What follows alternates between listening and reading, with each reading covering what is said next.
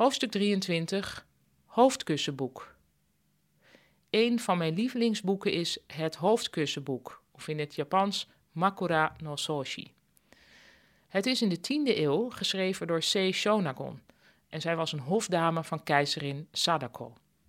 Haar baan bestond uit veel rondhangen en leuk doen tegen de keizerin. In de 10e eeuw was de Japanse hofcultuur heel verfijnd en draaide alles om het dragen van de juiste kleuren in het juiste seizoen, het schrijven van fijnzinnige gedichten en het appreciëren van het maanlicht. De hofdames sliepen in die tijd op matten, maar legden hun hoofd op een laag houten kastje. Dat was hun hoofdkussen. In dat houten kastje bewaarden ze hun persoonlijke aantekeningen. Misschien bestonden er dus wel veel meer hoofdkussenboeken, maar dat van C. Shonagon is bewaard gebleven en het is briljant. Het boek bestaat uit observaties, anekdotes, meningen en lijstjes.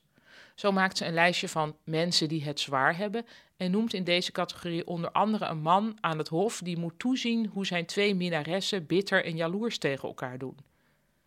Het interessante is dat het boek enerzijds bestaat uit observaties waar je je van alles bij kunt voorstellen, en anderzijds uit stukjes die zo ver van je afstaan dat je je dan pas realiseert dat je rechtstreeks een wereld van meer dan duizend jaar geleden inkijkt.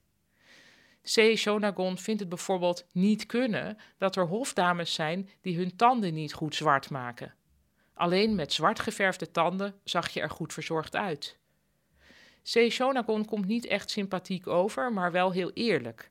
Over gewone vrouwen schrijft ze: ze hebben niets opwindends in hun leven. Toch geloven ze dat ze gelukkig zijn.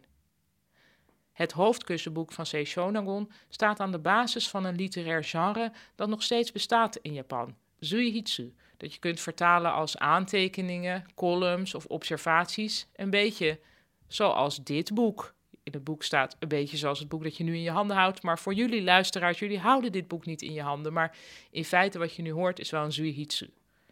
En als je dit uh, boek van C. Shonagon wil lezen, er is een mooie vertaling van Jos Vos.